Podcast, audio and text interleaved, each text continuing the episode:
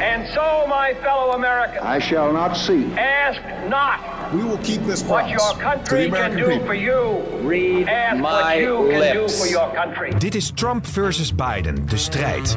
Een telegraafpodcast over de Amerikaanse verkiezingen. Met Thijs Wolters en Frank van Vliet. Welkom. Dit is alweer de zesde podcast over de snel naderende Amerikaanse verkiezingen. Trump versus Biden. Amerikanen zijn gek op cijfertjes, of het nu om sportswedstrijden of de politiek gaat. We worden nu doodgegooid met opiniepeilingen. Maar wat zeggen die polls eigenlijk? De vorige keer zou Hillary Clinton winnen en het werd toch Trump. Onze gast, Hans Anker, weet er alles van. Ik mag hem opiniepeiler, politiek adviseur, consultant en Amerika-kenner noemen. Dus wat hij nu precies doet, daar komen we zo wel achter. Hij adviseerde in ieder geval de Clinton, de Clinton die wel won, Bill dus. Naast de peilingen kijken we natuurlijk vooruit naar het eerste debat dat dinsdag wordt gehouden. Is Sleepy Joe wakker en is Donald Trump weer de bully? Laten we maar beginnen. Hans, wat we ons natuurlijk meteen afvragen is, hoe kom je bij Clinton eh, terecht? En ik begrijp dat je dat niet je enige corrivee is die je hebt bijgestaan. Tony Blair, de premier van Noorwegen, Jens Stoltenberg en nog een aantal anderen. Maar Clinton is natuurlijk eh, misschien de icing on the cake. Hoe kwam je daar? Nou, dat is inderdaad alweer een tijdje geleden, want eh, inmiddels alweer 24 jaar, dus een eeuwigheid. Maar je weet Eh, het nog? ik, ik weet het nog wel. Uh, dat was uh, twee jaar nadat ik uh, in Nederland uh, met Wim Kok had gewerkt en ook nog steeds werkte. Wim Kok die premier werd in 94, weliswaar verliezer was, maar eigenlijk verrassenderwijs toch boven kwam drijven. Ik uh, was politicoloog, methodoloog, gepromoveerd op kiezersonderzoek en dan is Amerika is het mekka. En uh, je moet weten, ja, dit, dit is wel topsport. Hè? Ja. Dus je kunt, uh, dat kun je niet een beetje doen, je kunt niet, niet part-time doen, je kunt het niet vanuit Nederland doen, je kunt het niet combineren met het opvoeden van kinderen. Maar ik, ik, denk dat ik dit vrij statistisch beredeneerd heb en dat ja. was in ieder geval een reële kans dat ik vier jaar later uh, uh, niet de vrijheid zou hebben om dat te doen. ik keek om me heen, ik zag Clinton, dat was voor mij een inspirerende figuur. Ik had daar ook via Kok ook wel mee te maken, doordat er veel werd gesproken over de third way. En Clinton Ja, was, weg, ja. keek ook echt wel op tegen Wim als... als uh, ja, sorry, Wim zeggen wij dan, meneer Kok. Ja. Uh, als, als een van de eerste die eigenlijk die ideeën ook in praktijk had gebracht. Dus daar, daar, daar waren de, ook de wel grote onderlinge... Clinton keek ja, op naar onze Kok. Ja, en dat heeft hij op de begrafenis ook nog wel weer verder laten weten. In ieder geval in de context uh, daarvan. Oké. Okay. Nou, ik ben toen naar Amerika gegaan. Wat ik voor Wim Kok deed, hè, dat, was, dat was dus strategisch peilen, boodschapontwikkeling. In, in Amerika heet dat een polster. Ja. Uh, polster slash strategist. Uh, en ik had een lijstje gemaakt van vijf mensen, vijf top polsters, waarvan ik dacht, nou, als ik van één van die vijf zou kunnen werken, ben ik uh, dolgelukkig. En het leuke van Washington is dat het een stad is waar, als je op een deur klopt, dat ze toch altijd denken van, nou, we staan die meneer of die mevrouw, die geven we tien minuten van onze tijd. Want je wilt toch niet uh, in zo'n situatie komen dat de Beatles bij je uh, voor de deur hebben gestaan. Je hebt ze geen contract Ja. uh, gegeven. Het is een beetje de, de tien minuten eh, als je met iemand in de lift staat, waar de Ja. Amerikanen op oefenen altijd. Ja. Maar eh, het interessante is dus eh, eigenlijk aan de ontvangende kant is eigenlijk altijd dat idee van ja, je weet nooit wat er voorbij komt. En je kunt toch altijd maar beter even eh, iemand te woord staan. Nou, het is een jaar heel hard werken Ja. bij dat soort bureaus. En daarna, bij wijze van spreken, zitten ze een jaar duimen te draaien.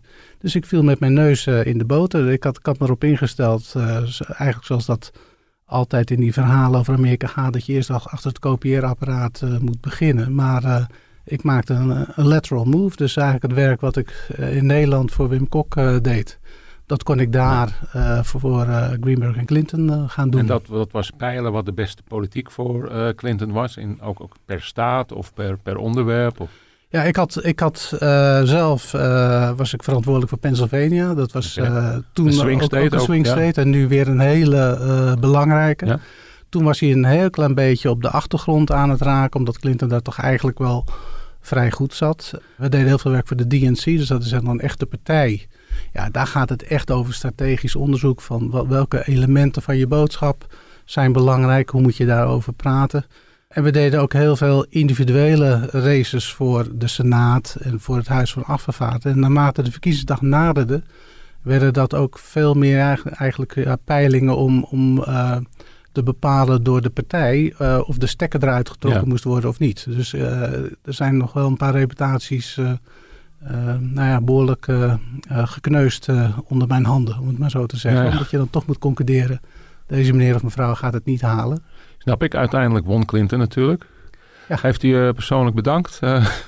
Uh, nou ja, dat is altijd een beetje impliciet en ingewikkeld. maar uiteindelijk wel. Oké, okay. mooi. Je zei net dat, dat je Amerika uh, goed kent. Je hebt er toen gewerkt. Je hebt zelfs nog een huis daar. Zijn die campagnes nu veranderd? Er wordt zoveel gesproken over dat het nu zo hard is.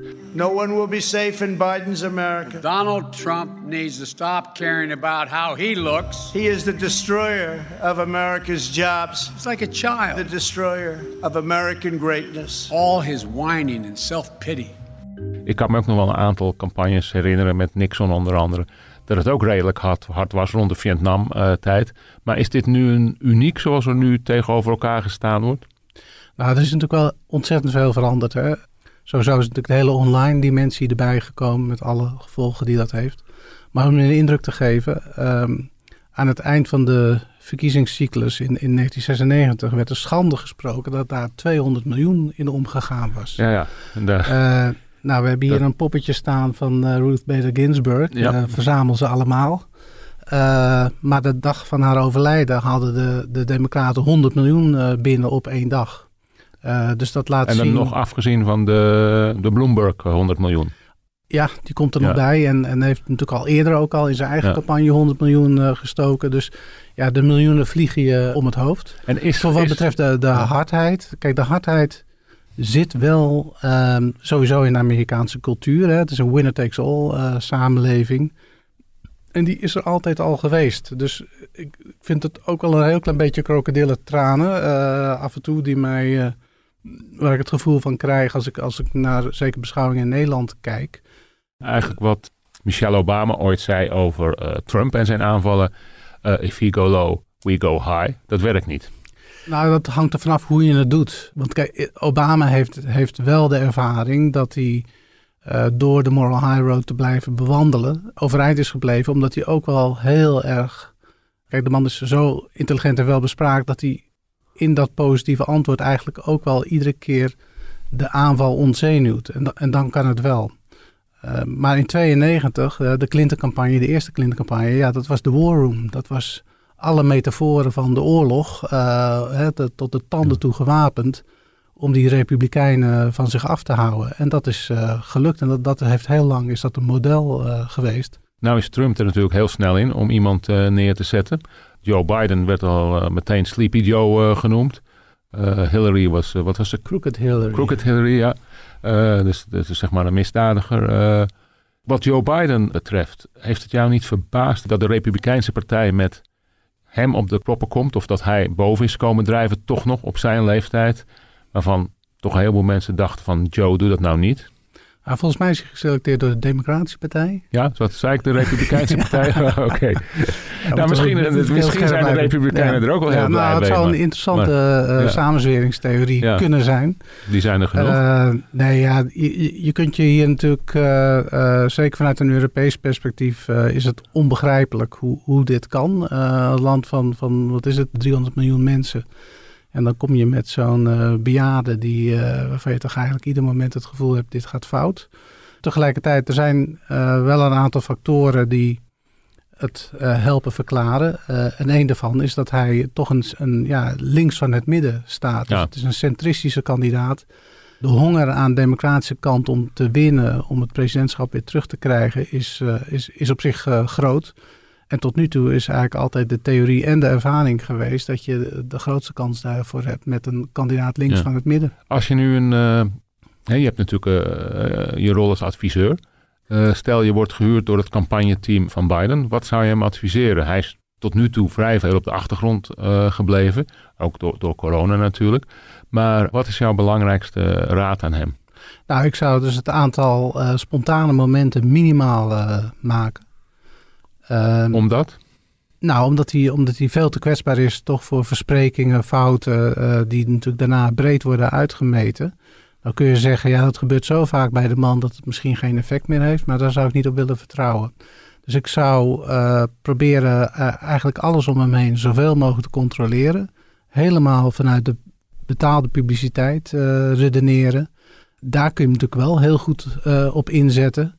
Uh, maar dus uh, eigenlijk een campagne vanuit huis, ja. uh, vanuit zijn basement doet, ja. organiseren. Wat hij is gaan doen. Hè. Het duurde best wel lang, ook met de uitbraak van corona. Het zag er ook niet uit hè, hoe ze dat... Want ze moesten natuurlijk eigenlijk een soort televisiestudiootje gaan inrichten. In, in zijn kelder. In, in, ja. in zijn kelder. Nou ja, dat was echt volkomen amateuristisch. Daar schrik ik wel van hoor, overigens. want op dit niveau hoort dat gewoon echt in orde te zijn. Uh, dat is gaandeweg wel een, wel een stuk, uh, stuk beter uh, geworden. en ik zou nooit de drie debatten hebben toegezegd die hij heeft nee? toegezegd. Nee, de, de, kijk, de, de, de, gouden regel is als je op voor ligt, dan, moet je geen, dan moet je zo weinig mogelijk debatten doen. Omdat iedere fout je punten kost. Ja, je, wilt, je wilt eigenlijk de voorsprong consolideren. en het, het levert alleen maar risico op. Ja. En ik denk dat in dit geval helemaal geldt. Uh, Trump is, uh, is onvoorspelbaar, uh, is als een vis in het water in die debatsituaties. ja, waarom begin je eraan? Ja, ik denk omdat hij zich ook wilde bewijzen nog een keer. Ik, zou dat, zou dat ik, ik ben heel benieuwd wat de overwegingen hier zijn ja. geweest, want ik zie geen campagnematige rationale daarvoor. Oké, okay, dus we kunnen ervan uitgaan dat Trump Biden wegvaagt in die debatten? Nou ja, dat is, dat is wel weer het interessante hiervan. Doordat ja, die, die verhouding eigenlijk zo enorm scheef ligt, is, uh, is, is Biden gezegend, uh, zo heet dat in ons jargon, met lage verwachtingen. Dus de lat ligt voor hem buitengewoon uh, laag. En hij moet in staat worden geacht om over die lage lat nou, heen, heen te springen. Ja. Is misschien al te ambitieus, maar in ieder geval wel heen te stappen. In principe doet hij het vrij snel goed in die debatten. Ja, snap ik. Wat zou je Trump adviseren? Als, als hij al luistert, want dat is uh, vaak niet zijn sterkste kant, denk ik. Hij ja, wisselt nog alles van adviseur. Ja, uh, Trump lijkt me nauwelijks adviseerbaar. Anders dan dat je zegt, verscheur hem. Mm -hmm. Dat zal hij graag doen, denk ik. Ja, en dat gaat hij ook doen. en de vraag is wat voor effect dat dan uiteindelijk heeft, hè, electoraal. Want, hij zou er te ver in kunnen gaan, want... Ja, zelfs, zelfs dat niet. Kijk, de, de, de kiezers hebben hun positie al lang al ingenomen. Uh, dus er gaan weinig mensen nog overtuigd worden uh, aan de hand van zo'n debat om opeens uh, de, de, de Republikeinen in te wisselen voor de Democraten of vice versa. Waar het effect primair in zit, is in mobilisatie. bevorderen dat mensen ook daadwerkelijk gaan stemmen. En wij onderschatten dat in Nederland altijd, want we zijn gewend aan opkomsten van 70, 80 procent. Ja, dan is die ene extra stem maakt niet zo heel veel ja. uit. Maar als je zit op 40, 50 procent ja, dan gaan die extra stemmen verhoudingsgewijs leggen, leggen veel meer een gewicht in ja. de schaal. En het is natuurlijk ook de winner-takes-all systeem. Ja. Dus wat het natuurlijk nog, nog lastiger maakt. Ik bedoel, uh, je kunt Florida op tien stemmen verliezen, bij wijze van ja, spreken. Ja, ja. Maar eigenlijk de, de, de, imp, de impact. Hè, uh, vroeger was het eigenlijk altijd zo van ja, je probeerde die independence in het midden, ja. die probeerde je naar je toe te krijgen. Nou, en als dat lukte, dan had je, had je in principe gewonnen. En dat, en dat ja, per staat weer opnieuw. Uh, nu is het veel meer uh, dat, ja, eigenlijk heeft, is iedereen blauw of rood. En de kunst is om, als je de democratische kandidaat bent, om die blauwe mensen te vinden. Mm. En om ze uh, zover te krijgen dat ze ook echt gaan stemmen. En hetzelfde geldt voor de rode kandidaat, Trump in dit geval. Ja. is er. En, en, en dat maakt deze verkiezing ook heel erg onvoorspelbaar. Is er iets aan Trump? Je ziet als je gewoon naar de beelden kijkt, ziet altijd dol enthousiante mensen bij Trump. Is er iets van Trump moeheid toch ontstaan bij zijn aanhang die denkt van, ja, vier jaar hebben we toch al zoveel over ons heen gekregen al. Misschien moeten we het toch maar eens uh, even niet doen. Of zeg je van nee, juist nu zouden we weer uh, volop moeten gaan stemmen? Nou, ik, ik zie daar eigenlijk geen enkel teken van. In uh, dus begin dit jaar in New Hampshire was ik bij, bij zo'n rally. Nou, je weet, je weet echt niet wat je meemaakt. Hè? Dus ook de, het hele fenomeen eromheen. Mensen staan uren in de rij en die brengen strandstoelen mee en, en, en van alles om op te zitten, coolboxen. En dat blijft allemaal achter, want het mag niet mee de zaal in. Ja, ja. Dus als je Mhm. nog een handeltje zou willen beginnen in dit soort eh, eh, spullen, dan, dan raad ik je aan om gewoon in de kielzog van een Trump rally te gaan, want dan kun je zo al je spulletjes binnen, binnentrekken. Eh, en daarbinnen is het eh, een en al enthousiasme, gren, ja, grenzen bijna een delirium. Hè? Eh, het is dus voor mensen echt een, het nieuwe geloof. En het boeiende vond ik wel van die specifieke bijeenkomst was, en dat was nog voor corona, dat je, dat je zag van ja, Trump promises made, promises kept, eh, is, is, was de slogan. Eh, dus hij, hij wilde campagne voeren op het inlossen van zijn beloften. Ja. En hij heeft heel veel van die beloftes heeft hij ook daadwerkelijk ingelost. Eh, en dat en welke is nu, dan? nou, onder andere bijvoorbeeld op zijn Supreme Court benoemingen. Ja, daar komen we zo nog even op. Hij is voortdurend praat hij over werk. Dat is uiteindelijk ook een ticket waarop hij gekozen is. En het maakt niet zo heel veel uit of je daar dan op levert. Hoewel hij ook een hele reeks eh, beleidsmaatregelen heeft genomen. Eh, onder andere eh, de, de handelsverdragen. Allemaal zaken die wij, waar wij denk ik in Nederland minder geneigd zijn om dat als een prestatie te zien. Maar in die context is dat wel degelijk het inlossen van de zaken die je beloofd hebt. Ja. En dat herkennen mensen ook. Dus in, in dat opzicht was dat denk ik voor hem een goede basis. Mhm. Maar het boeiende is dat dat heel langzaam, ook door corona, eh, stilzwijgend is het weer veranderd in Make America Great Again. En die, Zou hij- en die, die verandering in boodschap, eh, daar is intern ook wel over gestreden. Eh, je kon ook zien dat die campagne, een aantal weken is die campagne heel erg zoekend geweest. Mhm. Dat hebben weinigen opgemerkt. Daar leek een soort verwarring te ontstaan. Wat is nou eigenlijk onze boodschap? Ja, nu is dat wel weer, is dat wel weer gesetteld. duidelijk, het ja. is nu gewoon Make America Great Again. Als het coronavirus er niet was geweest, zou hij met twee vingers in de neus hebben gewonnen. Ook geholpen door een goede economie. Nou, hij lag uitstekend op koers. Ja. En, en eh, het consumentenvertrouwen was groot. eh, de werkgelegenheid laag. eh, de aandelen, aandelenbeurzen hoog. Had een reeks van, van beleidsdaden achter zijn naam die je als prestaties kon zien. Was toch ook nog wel reden om nog even door te gaan. Eh, dat wil je eigenlijk, dat is het allerlekkerste. Hè? Als je, als je eh, Niet alles in een, moet af in zijn, een ja. herverkiezingscampagne zit, een re-election campaign. Ja, dan is het het ergste wat je kan overkomen is als je klaar bent Ja. met, je, met je missie. Eh, Mhm. nou, dat, dat was dus niet het geval. Dus nee, de, de onderstroom was voor hem wel heel gunstig.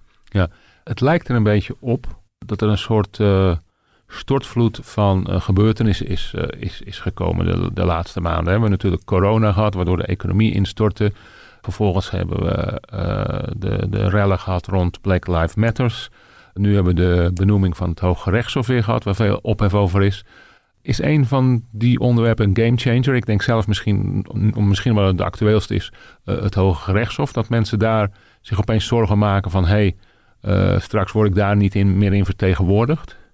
Nou, het is in ieder geval een enorme rollercoaster. Hè? Eh, al die gebeurtenissen, dat allemaal achter elkaar in zo'n korte periode, is, eh, het is misschien niet uniek, maar het is wel indrukwekkend. Ja. Ehm, voor wat betreft de Supreme Court, eh, mijn eerste neiging is om te zeggen, nou, dan heb ik toch even een peiling nodig om te, kijken hoe de vlag erbij staat in allerlei opzichten. Hè? Dus wat je, wat je aan de zeg maar, boven water ziet, is relevant, maar veel belangrijker is van ja, wat zit eronder? Eh, en, en daarom zijn die peilingen zo belangrijk. Die peilingen zie je nooit, hè? dat zijn strategische peilingen. Die gaan echt over van ja, wat, wat, wat, wat zijn nou de dynamieken, wat beweegt eh, die kiezer? Ja, we hebben het niet over de gewone peilingen die gepubliceerd Dus de worden. race. Procentje mij Nee, meer erbij nee, voor nee, Trump dat is, en een andere. af, ja. volkomen oninteressant, Uh-huh. eerlijk gezegd. Eh, mij gaat het erom van wa- wat beweegt nou die, die kiezer, wat zijn de trends en, en hoe zou je daar op een verstandige manier op in kunnen spelen. Eh, nou, eh, dat hebben we niet. Eh, dus we kunnen slechts gissen. Ja. Dan heb ik de neiging om toch te denken, eigenlijk langs twee lijnen. Ik denk dat het, zeg maar, in de richting van, van mensen die van partij wisselen, dat het daar niet zo heel veel effect op heeft. Want ja, dit is nou juist dat hele idee van die Supreme Court bemensen met mensen, met conservatieve rechters, met name rechters die tegen abortus zijn. Ja, dat, dat is altijd de belofte geweest van, uh, van Trump. Het zou pas een probleem zijn als hij iets anders uh, zou doen. Het tweede element, en we hadden het er net al over, dat is veel moeilijker grijpbaar. Van wat doet het nou aan het enthousiasmeren uh, van ja. mensen de, die op zich van plan zijn om jou te stemmen, maar om dat ook daadwerkelijk te doen. Nou, dan zie je dus bij Trump een heel belangrijk vehikel zijn de kerken. Nou, daar zal men heel blij zijn uh, met deze Uiteraard, ontwikkeling ja. uh, en ge zich geenthousiasmeerd voelen. Dus daar gaat de opkomst, die ligt al hoog, maar die kan je je voorstellen dat die nog uh, wat verder omhoog gaat. De opkomst sowieso is ook weer heel moeilijk te voorspellen. Altijd allerlei situationele ja, maar je kan het misschien ook, ook, omdraaien van dat mensen in de kerk denken, nou dat is geregeld, daar hoeven we ons niet meer druk om nee, te maken. Nee, want die gaan voor 9-0. Ja, ja oké. Okay. dus nee, daar is nog werk te doen. Uh, negen dan, vanwege de negen... De negen Supreme Court ja. uh, justices. En dan aan de andere kant heb je natuurlijk jongeren met name. Of de, en dat is een rekbaar begrip. Hè? Alles onder de 50. Uh, dat geeft ons denk ik ook weer een goed gevoel. om nou, mij niet meer helaas. Daar, in de buurt te kunnen komen. maar kijk, de kiezers onder de 50, daar is een democra democratische meerderheid en zelfs ruim. en het zijn de oudere kiezers die uiteindelijk Trump zijn marge geven voor die jongere kiezers geldt, uh, en zeker als je onder, onder de 30, uh, 35 uh, bent, ja, die zijn sociaal-liberaal. Uh, dus die zitten helemaal niet te wachten op zo'n conservatieve Supreme nee. Court die jouw abortusrechten weghaalt. Maar die zijn ook een beetje berucht in hun ja, gebrek aan discipline om, om ook echt te gaan stemmen. Dus mm. daar kan dit ook weer zeg maar, de juiste mobiliserende werking hebben. In de zin van ja, oké, okay, als, je, als je al niet overtuigd was dat het belangrijk is om te gaan stemmen, nou, dan, dan zie, je het nu, zie je het nu echt helemaal ja. voor je. En dan hebben we onze, onze, onze lieve uh, Ruth Bader Ginsburg, uh, die zijn we nu kwijt. Uh, nou, doe het voor haar, zou ik zeggen. en kom en ga stemmen. Ja. En dan is de vraag, wat is dan het effect van deze twee bewegingen? Dan zou mijn inschatting zijn dat in die kerken, ja, daar, daar kun je wel redelijk op vertrouwen. En die jongere kiezers, ja, het blijft grillig. Is dat een beetje vergelijkbaar met de de anti-Brexit jeugd die bleef slapen, want ze dachten ja, dat komt allemaal ja, wel goed. Ja, maar als je nu opnieuw een Brexit-verkiezing zouden doen, weten we ook niet zeker of ze alsnog op zouden komen. Nee. Feestje ervoor, nou ja, met corona misschien niet, maar, nee, maar dit, dan blijft dit nog is even echt liggen. wel ja. het grote vraagteken. En er wordt zoveel gedaan aan het mobiliseren van jonge mensen om te gaan stemmen. En uh, heel vaak valt het toch uh, niet mee. Ja. Wat mij altijd opviel in de VS is dan inderdaad hoe ze die mensen proberen te bereiken. Je natuurlijk die, al die campagnes, die tv-advertenties. Ik had me ooit opgegeven voor gewoon nieuws als journalist van Obama. Maar kennelijk was ik in het potje terechtgekomen van dat ik een Obama-aanhanger was of, of, of, een democraat was. Dus dan kreeg ik iedere keer uh, bijna om de dag brieven van Obama. Die begonnen met My dear friend Frank. Dus ik heb daar een keer een column over geschreven. Ik, heb een, ik ben een vriend van Obama en ik, heb daar, ik heb het op zwart op wit. En op het eind was het altijd, nou misschien kan je ook nog even iets doneren. Mag, hoeft niet meer te zijn dan 5 dollar, maar doe iets. Maar het is ook echt op de deur kloppen nog soms. En die ja. mensen bellen. Dat, dat, dat oogt zo hopeloos ouderwets. Maar is dat effectief? Nou, er is in Amerika, in ieder geval in campagnekringen, een heel groot geloof daarin. Hè. Er is ook eigenlijk een hele taal omheen uh, ontstaan. Getting out the vote, uh, mm-hmm. dat soort zaken. Ik heb het zelf ook wel uh, verschillende malen, ook verschillende cycli gedaan. Ook, ook nog dit, dit voorjaar. deels ook een beetje vanuit professionele belangstelling. Van nou eens even kijken hoe dat nou werkt. Ja, ik was daar niet van onder de indruk. Hè. Dus je hebt dan een soort, een soort kiezerskluis, noemen ze dat dan. En daar zit dan alle informatie in. En dan is het idee dat je met, een, uh, met je telefoon in de hand wordt geleid naar, niet naar huis nummer 3 en ook niet naar huis nummer 7, maar naar huis nummer 5. Daar moet je zijn, want daar zit iemand die, die zit in de buurt van jouw kandidaat, maar die heeft nog een extra hupje nodig. Ja. Nou, ik geloof dat ik iets van 20 adressen heb aangebeld. En um, nou, misschien vijf van de twintig keer klopte het. Uh, dus er zit een enorme ruis uh, in dat geheel. Ik ben er niet van onder de indruk uh, geraakt. Nee, oké. Okay. Dus er is, um, de, er is de idylle en een beetje ja. de, de, fictie dat het allemaal... ja, je ziet het ook in, als in die films over de verkiezingen. Van de, ja, en het dan gaat het er een gejuich op, we hebben er weer een. Ja, maar. en het is op zich een hartstikke leuk element ja. van, de, van de Amerikaanse verkiezingstraditie. Want dat, dat zien we ook, ook weer veel te gemakkelijk over het hoofd. Ja. Met name kan dat iedereen aanraden. Hè? Dus die primaries, gewoon vroeg in het seizoen. Ja, dan kun je die, die, ook die kandidaten, je kunt ze allemaal aanraken. Je kunt er gesprekjes mee uh, voeren. Zeker in New Hampshire, waar ik dan mijn zomerhuis heb. Ja, ik bedoel, de, de buurman die, uh, die twijfelde nog, want die, uh, die had ze nog niet allemaal gesproken. Ja. Dus dat, dat is het niveau. Ik... Uh, en en dat, is, dat is denk ik heel waardevol. Dus, dus dat directe kiezerscontact moeten we wel blijven waarderen. En ik heb toen spaghetti gaat... gegeten met Mitt Romney, die dan met enige andere, die zijn ja. bij, maar die deelt dan zelf de spaghetti uit. En dan kan je nog wat zeggen, hi, I'm from Holland. En dan, dan zegt hij, interesting country, en hij is weer weg. Maar je hebt wel spaghetti ja. gegeten.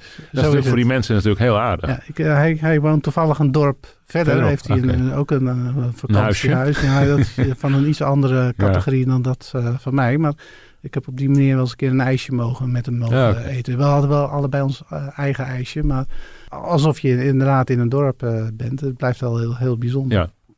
Nog even terug naar de peilingen. Jij zegt, ja, wij peilden echt op specifieke onderwerpen. Kan je, kan je daar een voorbeeld van geven wat, van wat voor onderwerpen dat dan zijn? Dat hangt natuurlijk af van welke opdracht je had. Maar als we het al puur over presidentsverkiezingen hebben. Nou ja, uh, uh, ja, eerlijk gezegd uh, ging dat over van alles. Maar het belangrijkste was, was het boodschap testen. Mm-hmm. En een, een, campagneboodschap is een verhaaltje van hooguit 100 woorden. wat rationale ja. bevat waarom jij, Frank van Vliet, gekozen moet worden tot president van de Verenigde Staten.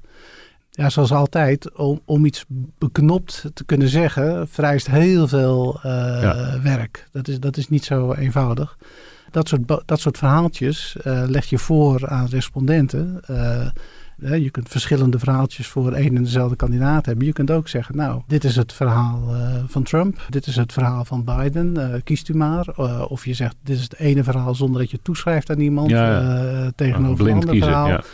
En als je dat nou maar vaak en uh, genoeg en uitgebreid genoeg uh, doet, en je kunt daar natuurlijk eigenlijk een soort AB-testen ook bij doen. Dus je kunt op een gegeven moment op het niveau van individuele woorden kun je uh, zeg maar, uh, uh, gefundeerde conclusies trekken over hoe je dat het beste mm-hmm. kunt doen.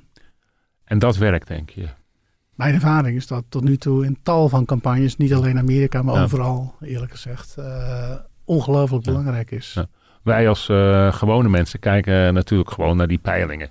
Nu zie ik weer dat Trump weer aan het inlopen is in Florida bijvoorbeeld. Dan denk je van, oh, dat is wat. Maar jij zegt eigenlijk van, nou, die peilingen, dat soort peilingen van wie staat er nu voor, dat zegt zo weinig. Nou, dat, dat zeg ik niet. Want op zich is het, ik bedoel, de, de horse race is, is wel relevant om te weten uh, wat zeg maar, de krachtsverhouding is. Maar als je in een campagne zit, dan wil je natuurlijk acties ondernemen die zorgen dat het beter wordt. Mm-hmm. En dan heb je vaak veel meer informatie nodig. Dan gaat het niet werken om te weten van, nou ja, ik, sta nu 4.8. Ja. Oké, okay, u staat 4.8, wat gaat u dan doen? Ja. Ja, dan moet ik toch iets meer weten. Ja. Dus vanuit een campagneperspectief ben je met andere dingen bezig. Tegelijkertijd, als je wilt weten, ja, hoe, hoe staat het ervoor en wie maakt de meeste, meeste kans om uh, de, de volgende president uh, te worden? Mm. Ja, dan zijn die horse race peilingen ja. op zich natuurlijk ook weer, ja. uh, weer nuttig. Daar zijn we natuurlijk, laten we zeggen, de meeste zijn er natuurlijk de vorige keer met Hillary Clinton enorm ingestonken. Iedereen dacht dat zij dat wel zou redden. Het schijnt dat zelfs Trump verbaasd was dat hij gewonnen heeft. Ik weet niet of dat, dat echt waar is, maar Waarom zaten ze er toen zo naast en hebben ze nu iets geleerd? Nou, Melania was volgens mij heel erg verbaasd. Die, uh, die, die, was, die dacht ja. dat ze het spelletje meegespeeld had. En dat hij toch niet zou winnen. Uh, en die, die, kreeg die had er helemaal geen zin in. Ja. Die had er geen zin, geen zin aan. De vraag waarom het misgaat. Ja, um, kijk, uiteindelijk, de presidentsverkiezing is niet één centrale verkiezing voor het hele land. Maar het is een serie van verkiezingen. Uh, één in elke staat. Ja. En heel veel van die staten hebben uiteindelijk toch maar een beperkte, je zou het niet zeggen, maar een beperkte dichtheid uh, qua peilingen. En wil je, kijk, uh, het doen van een peiling en het afleiden van een peilingsuitslag, dat verloopt in een aantal stappen. En een daarvan is dus dat je de mensen interviewt, maar vaak moet je daarna toch de data nog weer wegen om te zorgen dat het echt een representatieve afbeelding is van het electoraat. En daar zitten problemen. Uh, sowieso, uh, vaak is het toch al niet helemaal duidelijk wat überhaupt de samenstelling van de bevolking is op dat niveau van een staat. Daarnaast is het zo dat lang niet iedereen komt stemmen. Nou, en, en dus Die je, zeggen dat ze gaan stemmen en dan doen het dan nou, toch niet. Je krijgt dus de ja. overgang van, van de bevolking in je peiling naar de likely electorate. Mm -hmm. uh, en die overstap die is echt berucht. Dus ongelooflijk veel onderzoek uh, verricht. Maar opkomst, uh, zeker op individueel niveau, extreem moeilijk te voorspellen. Mm. Omdat er vaak allerlei situationele factoren zijn waardoor mensen uiteindelijk toch niet gaan stemmen. Aan de intentie ligt het niet, maar aan die intentie heb je niet zoveel. Het gaat om het gedrag. Ja. Dus we moeten ze nog steeds met een beetje een snufje zout nemen. Nou ja, of inderdaad eh, eh, terughoudend. Ja. Er zijn natuurlijk heel veel verrassingen geweest eh, nu al. Je durft er bijna niet meer aan te denken. Maar zou er nog een verrassing, een, eh, een hoe noemen ze het ook weer, een uh, oktober, Oktober surprise. oktober surprise kunnen komen? Nou ja, die hebben we feitelijk al gehad hè, met de Supreme, Supreme Ja. Court zetel. Ehm, ja, de geëikte eh Oktober Surprise is natuurlijk het vaccin wat gaat komen. En daarvan heb ik toch de neiging om te denken, er zijn ook wel aanwijzingen dat het in die richting gaat. Dat, dat ja, voters are no fools. Hè. Kie- Kiezers kijken daar ook wel redelijk doorheen. Dus eh, als daar iets triomfantelijk wordt eh, aangekondigd, denk ik toch niet dat dat een enorme eh, directe impact heeft. Het kan wel op een of andere manier weer indirect zijn gevolgen hebben. Maar langs deze lijn zie ik, zie ik niet meer een. want die Oktober Surprise is, is ge- geëngineerd. Dus Ja, het, het, het is niet dus- een spontane gebeurtenis. Het, is, het, het, het was het idee Ja. van, nou ja, er wordt een, een oktoberkonijn uit de hoed eh, getrokken. Eh, maar je krijgt toch het idee, nu het zo spannend wordt, dat ik denk, ja, van beide kanten zal er misschien toch nog wanhopig gezocht worden van hebben we nog iets? Ja, ja maar dat, dat, Tot dat het laatste begint, moment ja, maar dat, dat hoort ook een beetje bij campagne voeren. En eh, de- ik denk dat je die, die, dat gevoel goed aanvoelt. Die fase begint nu in te treden. Hè. Je hebt alles al honderd keer gezegd, ook, ook met de debatten. Hè. Dus eh, voor, voor, de, voor dinsdag, ik bedoel, in, in, in, in de meekijkkamer van met journalisten worden dan al de manuals uitgedeeld. eh, waarbij Trump zegt, nou Biden gaat dit zeggen. En eh, de reactie van Trump daarop is dat. Het is bijna surrealistisch. Dat is, dat is de pre-battle. Dus niet meer de rebuttal, maar de pre-battle van tevoren eigenlijk het debat al voeren. En daarna Ja. wordt er een soort toneelspel eh, opgevoerd. Ja, wat het laat zien is, is dat alles is uitgekoud. En tegelijkertijd, eh, juist dus door die events, my dear, eh, kunnen natuurlijk toch dingen gebeuren waardoor kandidaten op hun tenen direct moeten eh, nadenken en acteren. Nou, we zullen zien of daar nog elementen zich van voordoen. Nou ja, COVID is daar wel een kandidaat voor. Ja. Maar ook, ook natuurlijk de Black Lives Matter protesten, alles wat met politie te maken heeft, is misschien daar nog, nog Ja. meer geschikt voor. Heb jij Amerika wel eens zo spannend naar een verkiezingen zien toeleven? We hebben het eigenlijk al een beetje over gehad. Je zei het is eigenlijk niet nieuw, maar het is misschien toch naar een, ook door sociale media, naar een nog hoger niveau getild. En er is altijd veel kritiek op, op de media, eh, speciaal vanuit eh Trump-kamp natuurlijk, dat die biased is, dat die voor de democraten zouden zijn. Speelt dat nog een rol of, of is dat ook een verhaal dat de mensen zo langzaam denken van nou dat geloven we wel? Nou, voor het eerste deel van je vraag, kijk, de, de inzet van elke campagne, of je nou democraat of republikein bent, is om te zeggen en te argumenteren dat dit is de allerbelangrijkste verkiezing uit ons hele leven. This is the most important election of our lifetime. This is the most important election of our times. Look, this is the most important election, certainly in my lifetime. This is the most important election in our lifetimes. This is the most important election of all our lifetimes. Politicians say every time, uh, this is the most important election. This one's really that important. En dat, dat heb je nodig om mensen te, te, te enthousiasmeren en te mobiliseren. Dus in die zin eh, hoort het er wel bij en is het vaste prik. Ik denk wel dat de intensiteit nu is, is eh, in ieder geval heel erg groot. Maar dat is ook een functie van een president die zo uitgesproken is. En zo ja, ook bezig is geweest om, Amerika in een andere koers eh, te brengen. Dat het ook logisch is dat mensen daarop eh, op reageren en hun stem eh, Ja. willen uitbrengen. En dan voor wat betreft de, de bias. Ja, dat een rol speelt, dat het constant hameren op de pers. Met name van Trump. Van, eh, ja, ik, klassiek voorbeeld is als ik over water eh, loop en een, een drenkeling red, zeggen ze president kan niet Ja. zwemmen. Ja. Speelt dat nog een rol of zeggen de mensen nou, dat, dat, dat geloven we zo langzamerhand wel, dat die boodschap is wat afgezwakt? Nou ja, dit is een succesnummer wat hij natuurlijk vanaf het begin af aan heeft eh, gebruikt. Ja. En wat hij doet is om de media neer te zetten als onderdeel van het establishment. Ja.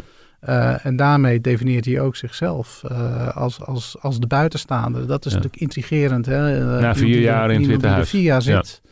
En wat dat betreft had er spanning geweest zonder die hele COVID-pandemie. want dan was hij op een klassieke herverkiezingsboodschap uitgekomen. En nu zet hij eigenlijk ook de klok een aantal jaren terug. Alsof hij, alsof hij voor het eerst weer kandidaat Ja. is. In verkiezingen heb je twee rollen. Je, je hebt die van de incumbent, de, Ja, de- de zittende kandidaat, en de uitdager, de challenger.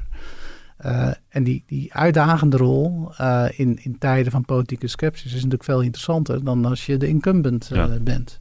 En je ziet ook dat hij, ja, hij relishes het. Hè? Hij vindt het heerlijk om die rol te vervullen. Die Ja. past hem ook heel erg goed. En daarin past ook het disqualificeren van de media. Ja. Oké, snap ik. Ehm, laatste vraag die ik aan iedereen stel. Je voelt hem al aankomen. Uh, wie gaat er winnen? Uh, ik, ik, ik durf er weinig uh, over te zeggen inmiddels. Want ook vier jaar geleden had ik zo mijn ideeën die, die niet uitkwamen. Dat, dat hebben meer mensen aan deze ja, tafel ja, gezegd. Ja, en ik hoop dat ik iets kan bijdragen aan campagnes. Maar het voorspellen van verkiezingen, als ik dat zou kunnen, dan zou ik ook een heel ander beroep hebben, denk ik. Wat wel goed is om op Heb te je merken. een gut feeling? Nou ja, je kunt kijken Zonder enig naar, bewijs. naar, naar, naar de, er zijn natuurlijk voorspellingen, hè, dus dat, dat uh, Biden 67% kans heeft om te winnen en Trump 33. We hebben de neiging om dan te denken van, nou ja, die 67, dat is dus meer, dus, dus Biden wordt wel president. Maar we moeten ons realiseren, het zijn kansen. Dus als je dat 100 keer doet, heb je 67 keer president Biden en 33 keer Ja. heb je president Trump. Dat maakt het beeld al anders. Ik durf het echt niet te zeggen. Van de andere kant, als ik kijk naar de structurele cijfers, hè, dus, dus uh, de, de, de job approval uh, bijvoorbeeld van Trump, de favorability, uh, al die cijfers zijn heel erg laag, zitten duidelijk in de gevarenzone voor een president die herkozen uh, wil worden. Dus laat ik op basis daarvan dan Biden tippen. Heel voorzichtig. Ja. ja. Oké, okay, Hans uh, Anker, hartelijk dank.